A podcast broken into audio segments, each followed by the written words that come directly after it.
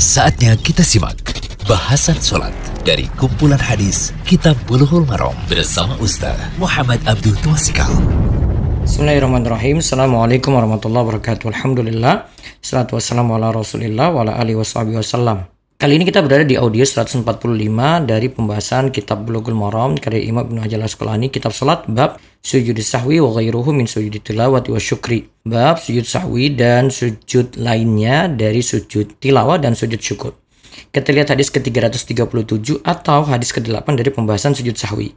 Nah, bahasan kali ini penting yaitu makmum itu mengikuti sujud sahwinya imam.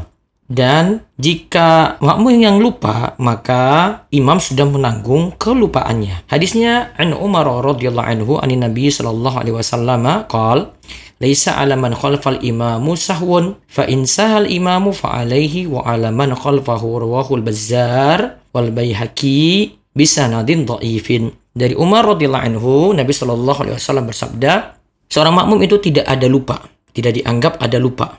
Maka jika imam lupa, wajiblah sujud sahwi atas imam dan atas makmum. Hadis riwayat Tirmidzi dan Baihaqi dengan sanad yang dhaif dan dijelaskan bahwasanya di sini riwayat Ad-Daruqutni Syekh Abdullah Fauzan dalam Minha al-Alam mengatakan sanad hadis ini dhaif jiddan. Faedah hadis yang bisa kita ambil ini pelajaran-pelajaran penting yang bisa kita ambil yang pertama imam itu menanggung sujud sahwinya makmum.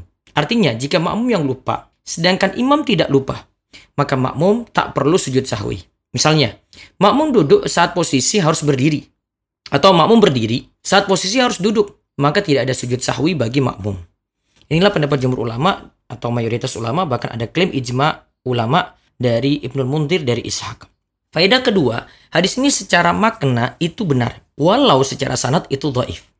Faedah ketiga, para ulama mengecualikan untuk masalah makmum masbuk. Makmum masbuk atau makmum yang telat yang tertinggal satu atau beberapa rakaat maka ia hendaklah sujud sahwi jika ia lupa bersama imam atau ia lupa seorang diri saat sudah lepas dari imam untuk menutupi kekurangan sholatnya. Jadi kalau mau masbuk, ia lupa nanti bersama imam dia sujud sahwi dan juga kalau dia sudah lepas dari imam dia lupa dia itu juga sujud sahwi. Jadi bukan selamanya makmum nanti ditanggung sujud sahwinya oleh imam, tapi untuk kasus ini tetap makmum sujud sahwi. Faedah keempat, jika imam lupa, maka makmum wajib sujud sawi bersama imam walaupun makmum tidak lupa. Ingat ya, nilai yang diterangkan dalam hadis bahkan ada ijma mengenai hal ini. Faedah kelima, makmum tetap mengikuti imam dalam sujud sawi walaupun sujud sawi dilakukan ba'da salat.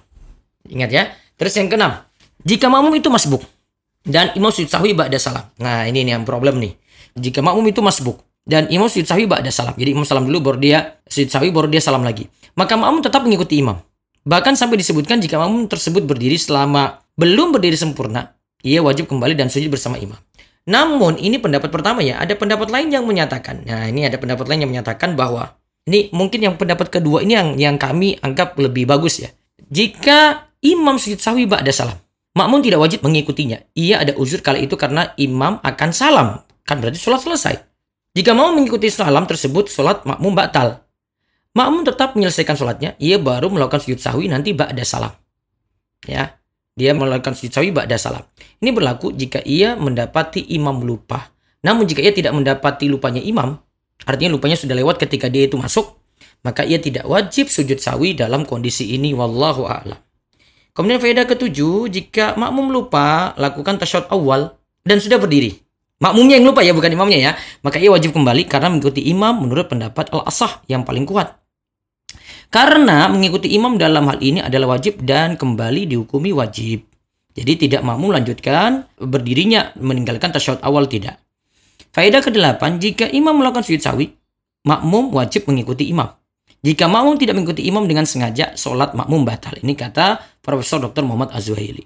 Juga faedah ke-9, jika imam berdiri ke rokat kelima, menambah dari rokat semestinya dalam keadaan lupa, Makmum tidak boleh mengikuti imam karena imam telah meninggalkan rukun dari satu rokaat. Wallahu alam bisawab. Semoga jadi ilmu yang manfaat. Demikian bahasan sholat dari kumpulan hadis Kitab Buluhul Marom bersama Ustaz Muhammad Abdul Tuasikal.